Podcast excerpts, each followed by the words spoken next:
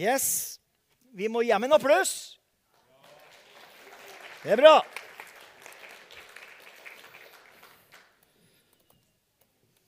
Det er herlig å få lov til å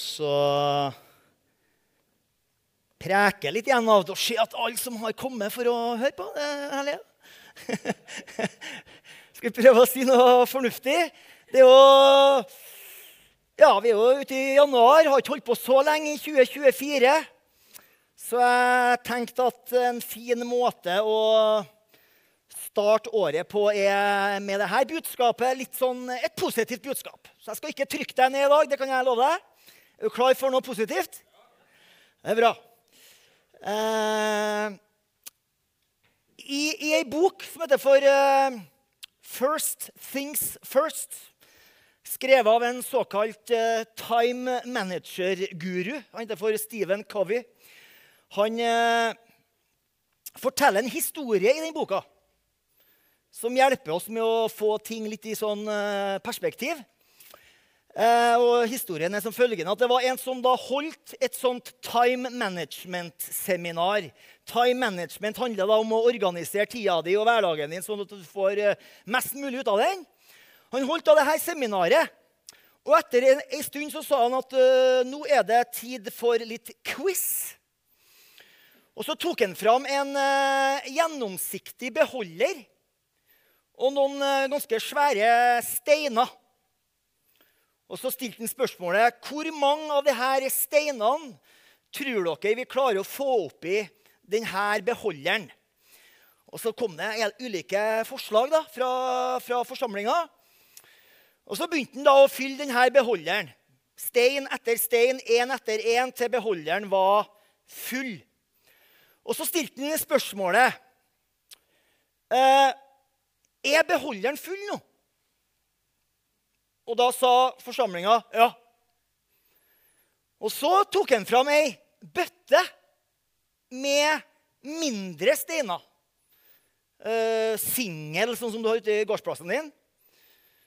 Så tømte han en del av singla oppi beholderen. Rista litt på beholderen. Og de her mindre steinene de, da, de fant da plass mellom de her svære steinene. Og det var ganske mye singel som fikk plass i beholderen. Og Så stilte han spørsmålet er beholderen full nå.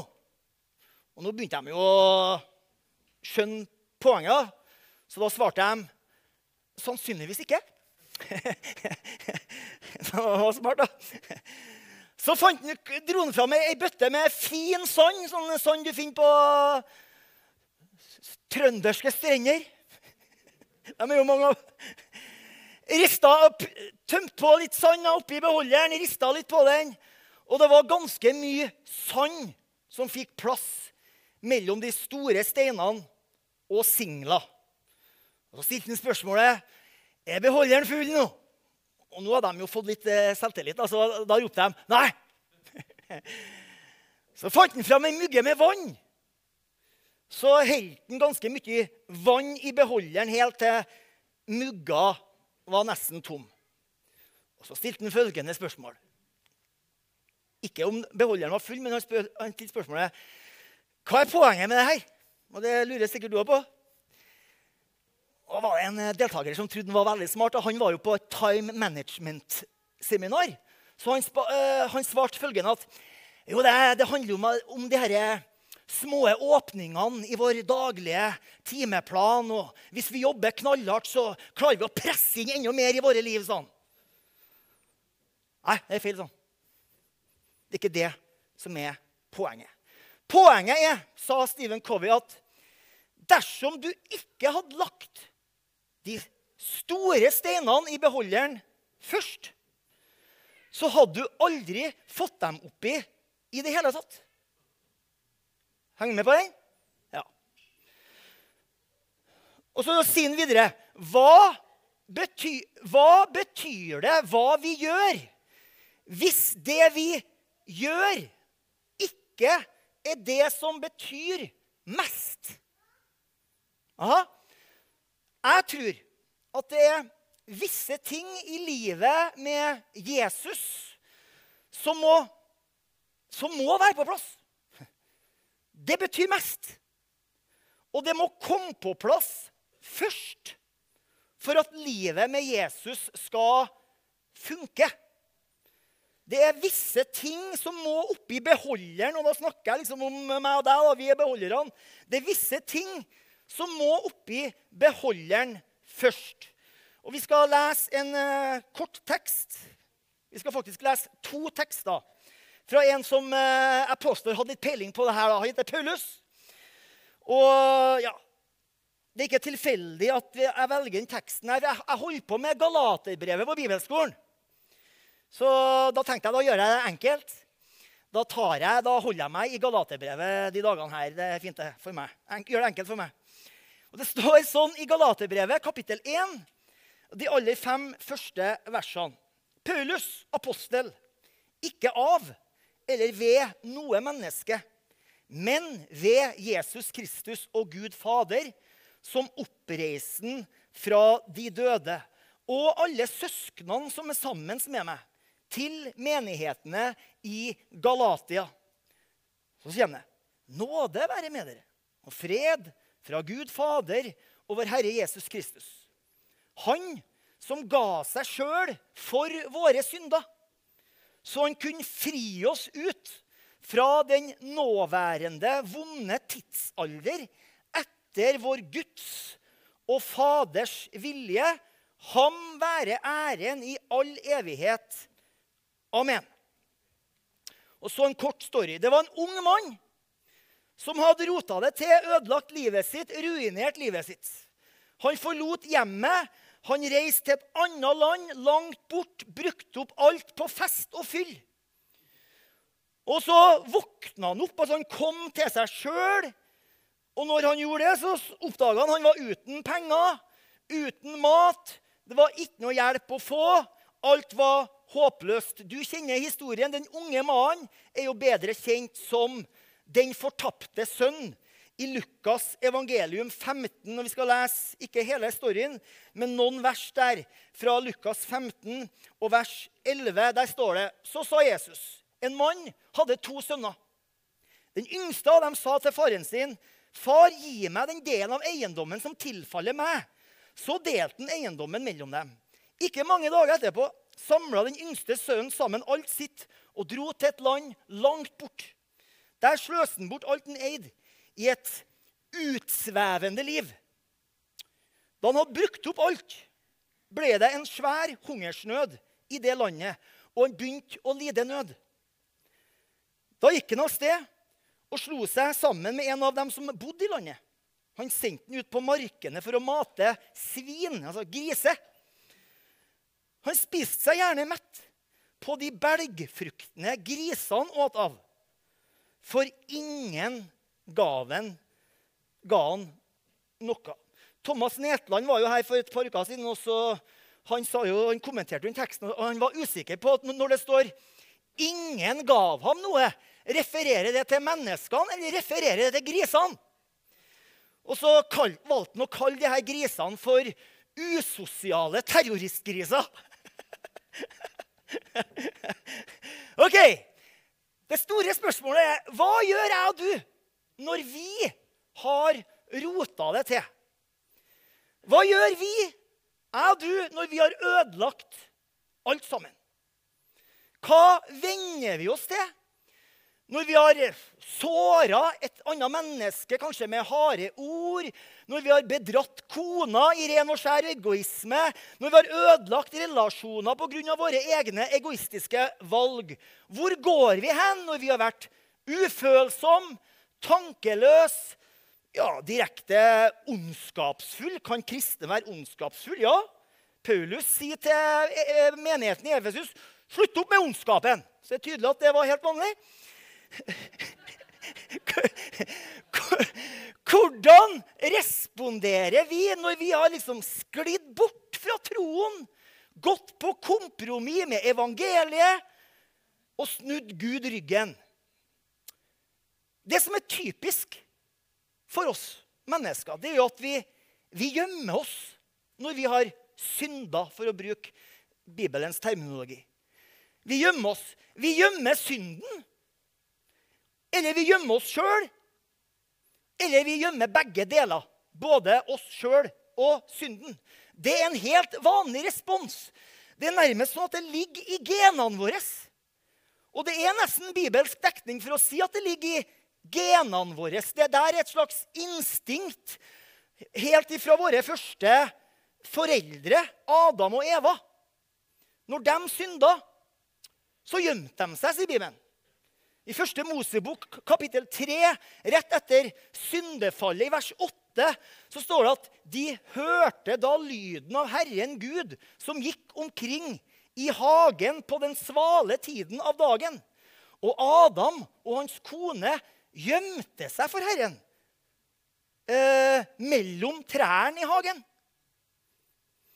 Eh, da kalte Herren Gud på Adam og sa til ham, 'Hvor er du?' Han svarte, 'Jeg hørte stemmen din i hagen, og jeg ble redd fordi jeg var naken, så jeg gjemte meg.' Og helt siden den gangen, de første, to første menneskene, så har menneskeheten alltid gjemt seg.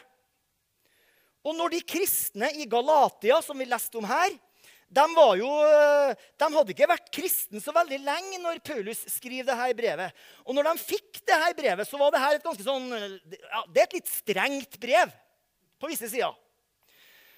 Så de får et strengt brev tilsendt. Da tror jeg uten tvil at de ønsker å springe og gjemme seg litt. Fordi sånn som Paulus så på det her, så hadde de gjort det samme som den her fortapte sønnen. De hadde liksom ødsla bort det som Paulus hadde overgitt til dem fra starten av.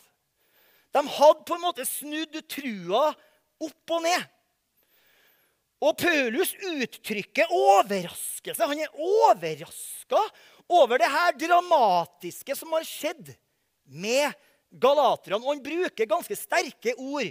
I vers 6 i samme kapittel så sier han det undrer meg. Det undrer meg over at dere så raskt vender dere bort ifra Han som har kalt dere ved Kristi nåde, og til et annet evangelium. Det undrer meg, sin. Og så drar han enda lenger i kapittel 3 og vers 1 og bruker enda sterkere ord. Han sier uforstandige galatere. Det er jo som å si Hvor dum går det an å være? Det er jo det samme. Uforstandige galatere. Hvem har forheksa dere? sin? Og så fortsetter han i kapittel 4 og vers 11. Der sier han, jeg er redd for at jeg har strevd forgjeves med dere. Nå har jeg stått på og jobba med dere, og så snur dere det her ryggen og snur alt opp og ned. Jeg, jeg er redd for at jeg har strevd forgjeves med dere. Og Så sier han i kapittel 5 og vers 4.: Dere som vil bli rettferdiggjort ved loven, dere er skilt fra Kristus. Dere er falt ut av nåden. Ganske dramatiske ord. Så det er åpenbart Paulus mener at de er i en alvorlig situasjon. Og det virker som at for Paulus så kan det ikke bli mer alvorlig. Og det vet Paulus. Og så prøver han å få dem også til å forstå det her. Og Da må vi liksom legge litt merke til hva er det Paulus gjør, og hva er det han ikke gjør i denne situasjonen. Ja, han er åpenbar, ganske klar og tydelig. Det er ingen tvil om hva Paulus mener. Men samtidig så er det liksom ikke fordømmelse og liksom posting på sosiale medier for å henge dem ut. Nei, han sender et brev til dem. Så han tar det opp med dem. Og så tar han dem tilbake hvor alt starta. Tar dem tilbake hvor alt starta. Han tar dem tilbake til det her fantastiske ordet som vi finner i Bibelen, og det er ordet nåde. Han tar dem tilbake til nåden. Midt i Galaterbrevets åpningsord, som vi leste, vi leste de fem første versene, så er det ofte noe der vi overser. Det står i vers 3.: Nåde være med dere og fred fra Gud, vår Far, og Herren Jesus Kristus. Det der sier han til en menighet som han mener har spora skikkelig av. Så kjenner jeg Nåde være med dere, og fred fra Gud, vår Far, og Herren Jesus Kristus. Nåde til dere og fred fra Gud. Med andre ord så sier han jo egentlig at OK, dere har rota det til. Det er sant. Men alt håp er ikke ute. Gå tilbake der alt starta. Gå tilbake der alt begynte. Gå tilbake til nåden. For der vil du finne akkurat det du trenger. Der vil du finne alt du trenger. Og det eneste du trenger. For der finner du nåde. Der finner du nåde. Og så er det tydelig at Paulus vet at det vil være vanskelig for galaterne å gå tilbake til nåden. Det virker som om de har mista trua på det budskapet som Paulus forkynte. Og hva var det som egentlig foregikk? Hva, hva var det som hadde skjedd? Jo, eh, etter at Paulus hadde forlatt Galatia, da, så kom eh, de her nyomvendte kristne menneskene under innflytelse av visse mennesker som drev og sådde tvil om Paulus, hans budskap, han som apostel. Og at, og, at, og at, eh, nåde alene, Kristus alene, det er ikke nok. Det er et eller annet som må legges til. Det er nåde pluss et eller annet. Eh, og, De insisterte på at de her nyomvendte galaterne nærmest bare hadde gått halve veien. Og at de trengte å bli omskjært hvis de skulle bli fullverdige medlemmer av Guds folk. Og I, litteraturen så kalles de her, de her folkene som hadde påvirka dem, de, kalles for judaister. Uh, og de var ganske effektive i å overbevise galaterne om omskjærelsen. Og det, og det er klart, For å få noen til å gjøre det, så måtte de jo kanskje peke på noen fordeler med det. ikke sant? For Hvis ikke så ville de jo ikke akseptere det. Og det er tydelig Når du leser gjennom Galaterbrevet, at de fordelene som de kanskje lokka med, var at ok, hvis, når dere omskjærer dere, da, da vil dere få helt og fullt del i Abrahams velsignelse.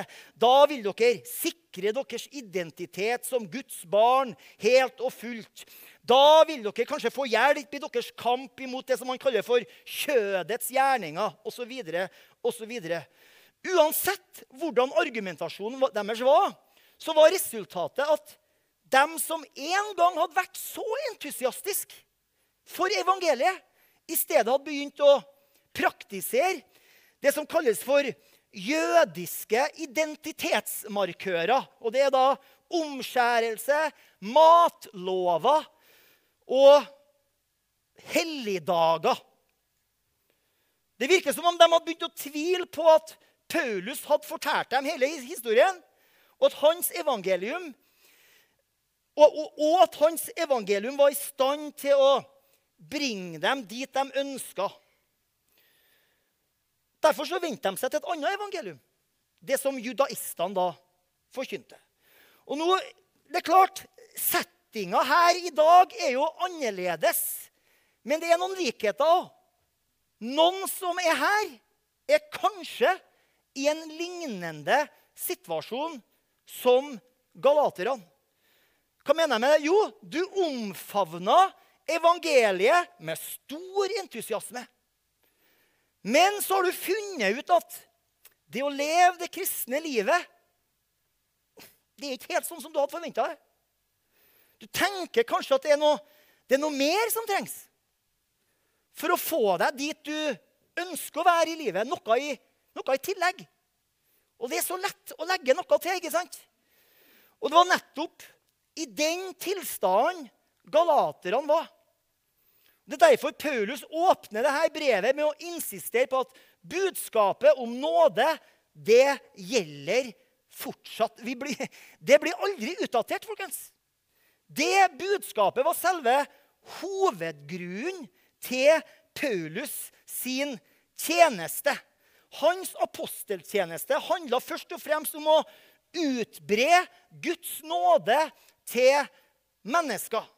Det var hovedårsaken til at Galaterbrevet ble skrevet. Han skrev dette brevet fordi han ønska å slippe Guds nåde løs på en desperat, vanskelig situasjon. Og sånn er det i dag òg. Gud ønsker å slippe sin nåde løs over meg og deg. Han er ikke gjerrig på sin godhet. Nei, hans hjerte og armer er åpne. Han ønsker å slippe sin nåde løs på meg og deg. Og Det er derfor menigheten, jeg og du, ikke bare trenger Galaterbrevet, men alle Paulus' sine brev, som alle starter og slutter med nåde. Og Det er derfor vi har Skriften, Bibelen, både Det gamle og Det nye testamentet. Fordi Gud ønsker å slippe sin nåde løs over livene våre gjennom sitt ord. Fra første Mosebok til åpenbaringsboka så er Guds ord ei skattkiste full av nåde. Og det er en som har sagt det på følgende måte at i Bibelen så finner du gullmynter av barmhjertighet. Har du funnet dem? Dyrebare juveler av Guds løfter. Og kostelige perler med tilgivelse og Guds omsorg. Det er fint sagt. Faktum er at alt som er skrevet her, er skrevet for oss. Aha. Det er ikke alt som er skrevet om oss, men alt er skrevet for oss. Og I romerbrevet så står det at alt er skrevet for at vi skal ha håp gjennom den tålmodigheten og trøsten som Skriftene gir. Har du lagt merke til det? Når du går inn i denne boka, så skjer det noe med deg. Du får både tålmodighet og trøst. Så derfor, hver gang du roter det til, og det kommer du til å gjøre det betyr ikke at jeg har et negativt syn på deg. Nei, jeg er sånn, jeg òg. Vi roter det til. Og hver gang vi gjør det, så må vi gå tilbake til nåden ved å gå tilbake til Guds ord. Når du har havna i grøfta, så må du ikke neglisjere Skriften. Altså, Du må ikke gå og gjemme deg og neglisjere det her. Det er da du må springe til Gud. Vi må ikke neglisjere det, nei, vi må gjøre det motsatte. Vi må åpne den lese den, og la Guds ord betjene oss.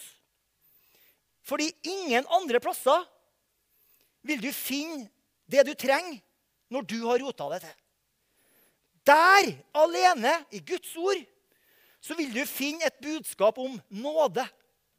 Der finner du evangeliet, det vi kaller for de gode nyhetene. Så det å gå tilbake til nåden, det handler om først og fremst å gå tilbake til Bibelen, det er der budskapet om nåde kan bli funnet. Og Det var der galaterne hadde gått feil. De hadde vendt seg bort fra det budskapet som Paulus forkynte. Så de vendte seg til noe som Paulus kaller for et annet evangelium. De har putta masse andre ting oppi beholderen. Paulus er ikke fornøyd med å bare overbevise galaterne at hans evangelium er det sanne og det ekte. Nei, spørsmålet er ikke bare om det er sant. Spørsmålet er også er det tilstrekkelig. Er det nok? Er det nok? Og Paulus vet at han må overbevise galaterne at Guds nåde, som er sluppet løs over eh, denne verden gjennom Jesu død og oppstandelse er mer enn tilstrekkelig for å dekke absolutt alle behov. Jeg nevnte i sted at Paulus var da først i Galatia, og så forlot han Galatia. Da kom de under innflytelse av visse lærere som da promoterte Moseloven som en effektiv måte for å fremme åndelig vekst og utvikling. Og Det virker som om at galaterne da ble frista av det her fordi de trodde at loven kunne da bidra med åndelig hjelp. Muligens så var de frustrert, utslitt av akkurat det samme som mange kristne er frustrert og sliten av i dag. Og det er det her kontinuerlige nærværet av synd i våre liv. Jeg møter overraskende mange kristne som sliter med sånne spørsmål. Og så tenker jeg ja, vi trenger å bli fri fra syndens makt. Yes. Og synd er jo ikke bare en sånn engangsgreie, en enkel handling som er, som er over når du har gjort det. Synd har som oftest bivirkninger. Har du lagt merke til det? Og de bivirkningene påvirker oss. Ja, mange opplever at det plager dem i mange år etterpå. Og da er spørsmålet fins det en måte å bli fri fra denne synden som så lett henger seg fast på oss, som vi leser om i Hebrebrevet. Og Paulus svarer på det. Og svaret hans er et rungende ja. Ja, er svaret. Men veien heter ikke loven. Veien heter ikke å dra seg i håret, ta seg sammen, prøve så godt jeg kan, fikse det sjøl. Veien er det vi kaller for Jesu Kristi kors. Ja, det er veien. Befrielse fra synd og det som Paulus kaller her for den nåværende vonde tidsalder, kommer bare på én måte. Guds nåde kommer bare på én måte. Gjennom Jesu død og oppstandelse. Og Vi leste her i kapittel 1, vers 3 og vers 4. Der leste vi nåde til dere og fred fra Gud, vår Far, og Herren Jesus Kristus. Han som ga seg sjøl for våre synder. Så han etter Gud, vår Fars vilje, kunne fri oss ut fra den nåværende vonde tidsalder. Så Paulus han driver dem tilbake til denne fundamentale sannheten Kristus ga seg sjøl for våre synder. Hør, det er den steinen som må opp i beholderen først.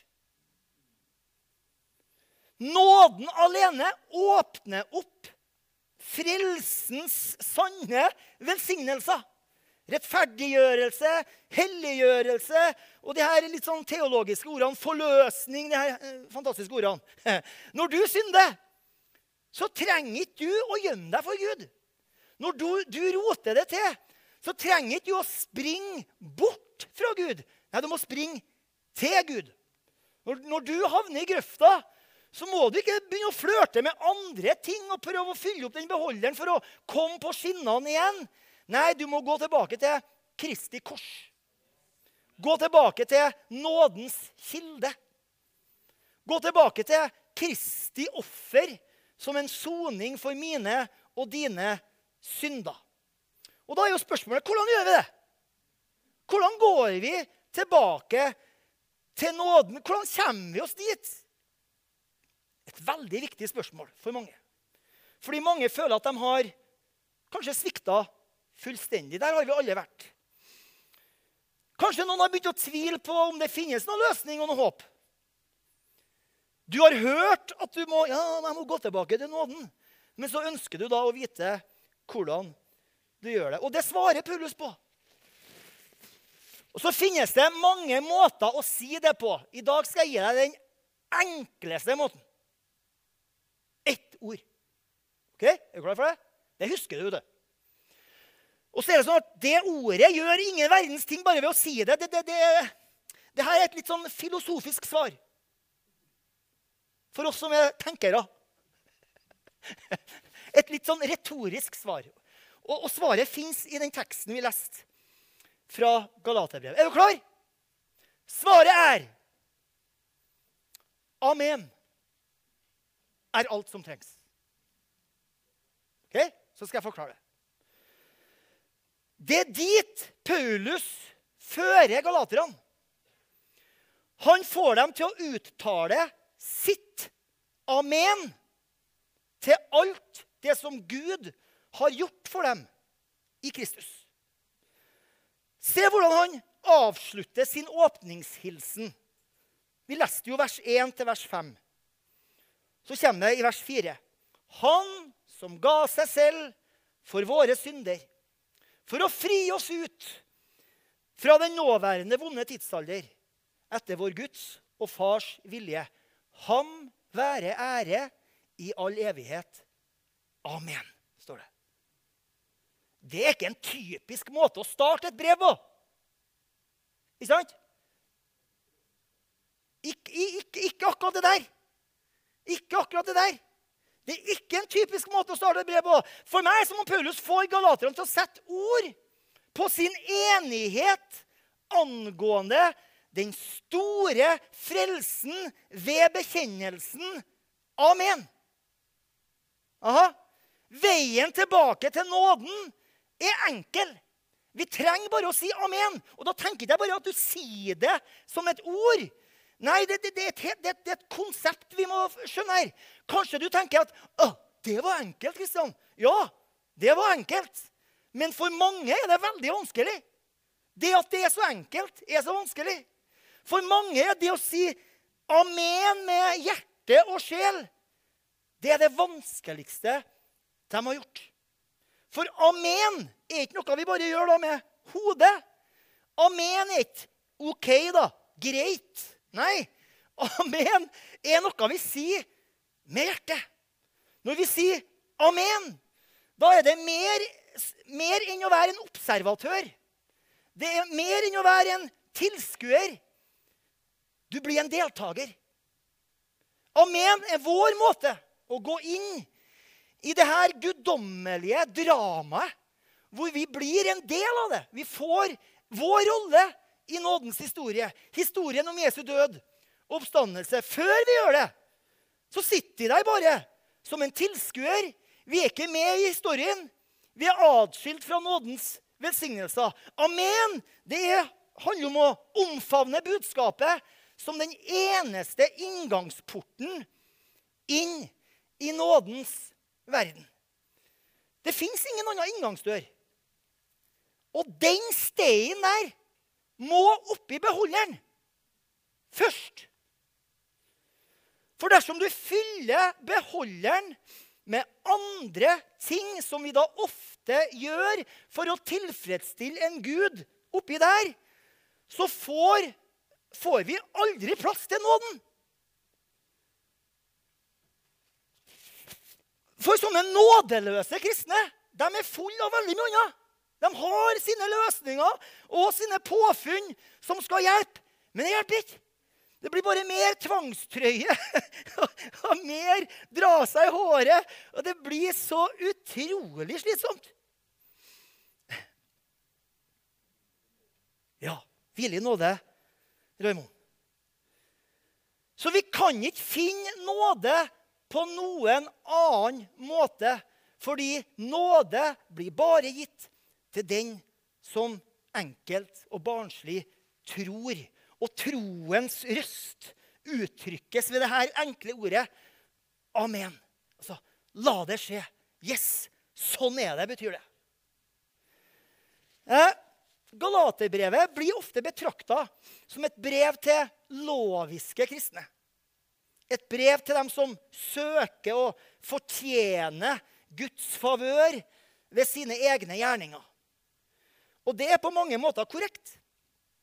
Men det er også et brev til den fortapte sønn og den fortapte datter som har rota det til. Det var derfor jeg dro inn den teksten fra Lukas 15.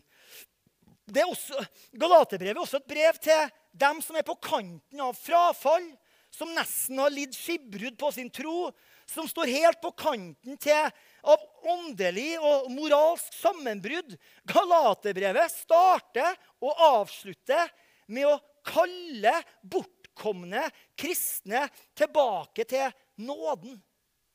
Derfor er det perfekt for dagens bortkomne sønner og døtre. Paulus understreker at nåden fortsatt gjelder.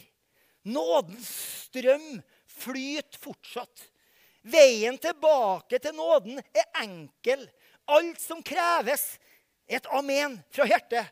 Et amen til alt det som Gud har gjort for meg og deg i og gjennom Kristus. Det er et godt budskap for den fortapte sønn. Det er et budskap som enhver bortkommen sønn og datter trenger å høre fra han og jeg tenker også fra oss som kirke. ikke sant? Vi har et ansvar der. At det de får høre, er nådens evangelium. Og ikke liksom denne pekefingeren rett opp i trynet. Hvor har du vært i alle årene? Ja, det er ikke det de trenger å høre. Men det er mer liksom Come on. you are welcome. Ikke sant? Ok, Vi skal lese bare litt videre i Lukasevangeliet. Vi slutta i vers 16. I sted skal vi lese fra vers 17. Nå har han kommet til seg sjøl. Og da han kom til seg sjøl, så sa han hvor mange av min fars leietjenere har brød i overflod, mens jeg sjøl går til grunne av sult? Jeg vil stå opp og gå til min far og si til ham, Far, jeg har synda mot himmelen og mot deg. Jeg er ikke lenger verdig til å kalles din sønn. Gi meg en tjeneste som en av leiekarene dine. Han sto opp og kom til sin far. Men da han fremdeles var langt unna, så hans far ham og fikk inderlig medfølelse med ham, sprang ham i møte, falt ham om halsen og kysset ham. Sønnen sa til ham, 'Far, jeg har synda mot himmelen og mot deg, og er ikke lenger verdig til å kalles din sønn.' Men faren sa til sine tjenere, 'Hent fram den beste festdrakten, ha den på han.' 'Sett en ring på hånda og sandaler på føttene hans.' 'Kom så hit med gjøkalven, slakt den, og la oss ete og være glade.' Uh, ja, For denne sønnen min var død og er blitt levende. Han var fortapt og funnet. Så står det og festen og gleden begynte. Og har aldri tatt slutt. ikke sant? Den bare starta. Når vi går framover i det kristne livet, for det ønsker vi, ikke sant? så må vi samtidig gå tilbake. Så jeg har kalt det jeg snakker om her nå, for 'tilbake for å gå framover' en, nærmest en selvmotsigelse. Når vi går framover i det kristne livet, så må vi samtidig gå tilbake igjen og igjen til nåden. Vi må gå tilbake til nåden for å gå framover i livet. Og Jeg skal avslutte på følgende måte at et av de mest gripende øyeblikkene i dette brevet for meg i hvert fall Du vet, jeg, jeg, jeg er jo jeg, bibloman. Så jeg har lest dette brevet ganske mange ganger. da. Jeg, litt av skylda er jo for at jeg, underviser om det på bibelskolen. Men liksom, jeg har lest det ganske mange ganger. Og jeg blir jo glad hver gang. Så kommer jeg til det siste verset her. Aller siste verset. Skal vi se. Og der sier han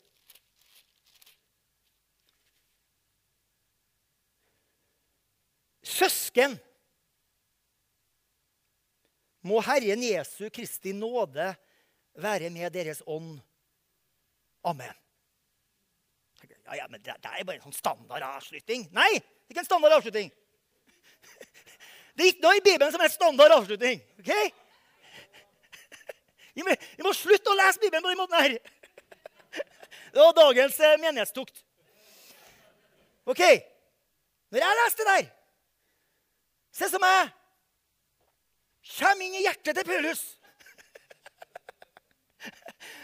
og ser at han har en slags sjette sans.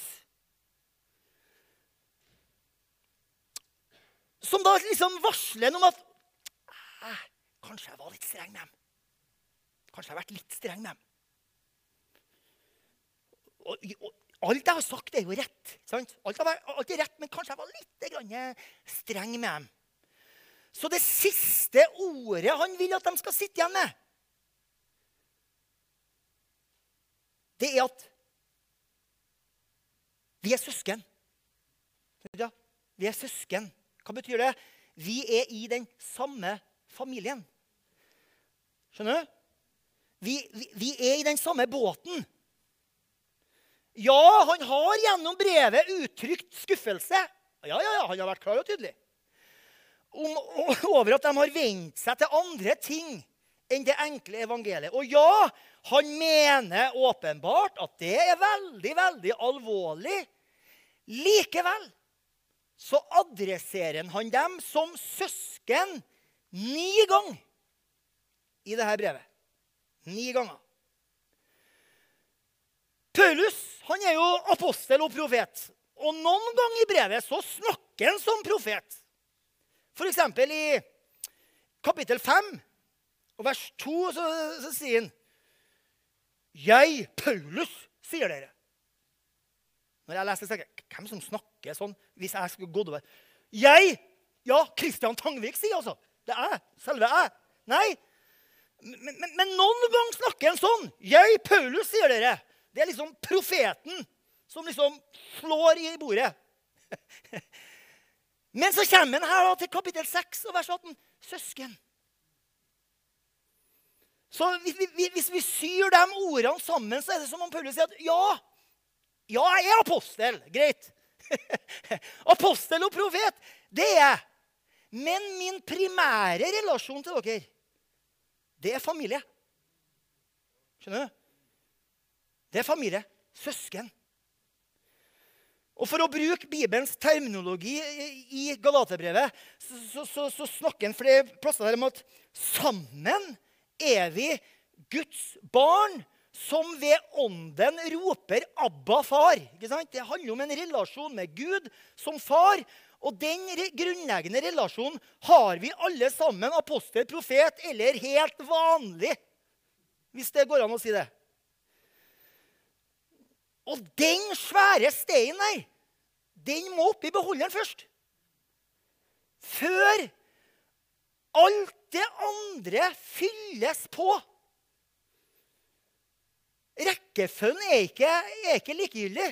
For hvis du fyller på med alt det andre, så er det ikke plass til den svære steinen. Henger du med? Da kommer aldri den svære steinen oppi beholderen i det hele tatt. Så dersom du er her i dag og føler at livet med Jesus er alt annet enn enkelt Og jeg sa ikke at livet er, er, kommer til å være uten problemer og utfordringer. Nei, det har jeg ikke sagt. Men liksom det at gudsforholdet og gudsbildet er uavklart Ikke begynn med de små steinene.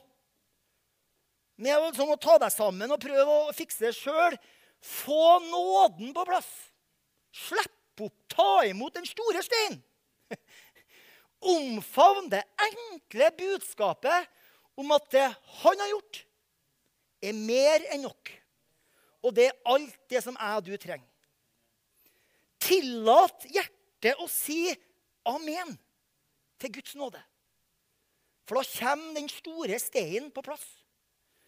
Og livet med Jesus kan da leves slik det skal leves. Nå skal vi få opp ei bønn her på skjermen. Håper jeg. Vi skal få opp ei bønn på skjermen som kan være ei hjelp for å ta ditt første steg inn i Guds nåde. Dersom du aldri har bedt til Gud før, eller kanskje du har gjort det, men ting har blitt vanskelig og komplisert, på veien, så utfordrer jeg til å være med når vi ber denne bønna høyt sammen. Skal vi gjøre det sammen, alle sammen? Én, to, tre. Takk, Jesus, for dagen i dag. Jeg ønsker at du skal fylle mitt liv med din fred. Du tar imot meg, og jeg ønsker relasjon med deg. Hvis du ba denne bønna nå for aller første gang, så bruker vi å si tre ting som et godt råd på veien. Og det er at si det til noen. Gjør det. Kom gjerne fram her etterpå til meg og, og si det. Til meg eller til noen andre som du stoler på. Det er godt å sette ord på det her. Det, det, det, det er god hjelp i det. Det andre er Finn fram en bibel. Les i Bibelen din. Start gjerne i Det nye testamentet. Litt enklere der. Og det tredje er finn deg ei kirke som du kan gå regelmessig sammen med et sånt fellesskap som dette. her. For det her er det folk som heier på, på, deg og vil hjelpe deg til å ta de neste stegene i, si, i nådens mysterium. For det, det, er jo det vi er. Vi er på en oppdagelsesferd hele gjengen for å oppdage mer og mer av det som Gud har gjort for oss. Skal vi be. Herre, vi takker deg for ditt ord. Det er nådens evangelium som vi forkynne. Du er en Gud som ikke slår hånda av oss, og som trykker oss ned, men takk at du alltid ønsker å løfte oss opp. Og Jeg bare ber om at dette skal være klart og tydelig for oss gjennom hele 2024. La oss få være ei kirke som eh, preker et, eh, og, og, og som reflekterer ditt hjerte. Et positivt budskap om nåde, tilgivelse og gjenopprettelse. Sånn at alle mennesker kan føle seg velkommen og akseptert der de er i livet akkurat i dag. Og så vet du at du kan komme inn med det her livsforvandlende budskapet, og så blir livet forandra. Så får mennesker en sterk relasjon med deg. Vi takker og priser deg for det. I Jesu navn. Amen. Hei, og takk for at du har sett på eh, en tale fra Betel Trondheim. Nå kanskje du sitter igjen med spørsmål og et behov for å snakke med noen. Da er du hjertelig velkommen til å ta kontakt med oss. Du er også hjertelig velkommen til å komme og ta del av gudstjenestene våre, eller det som skjer i ungdomsarbeidet eh, i kirka vår. Jeg tenkte at jeg hadde lyst til å avslutte med å lyse Herrens velsignelse. Så vær så god, ta imot. Herren velsigne det og bevare det. Herren la sitt ansikt lyse over det og være det nådig. Herren løfte sitt åsyn på det og gi det fred.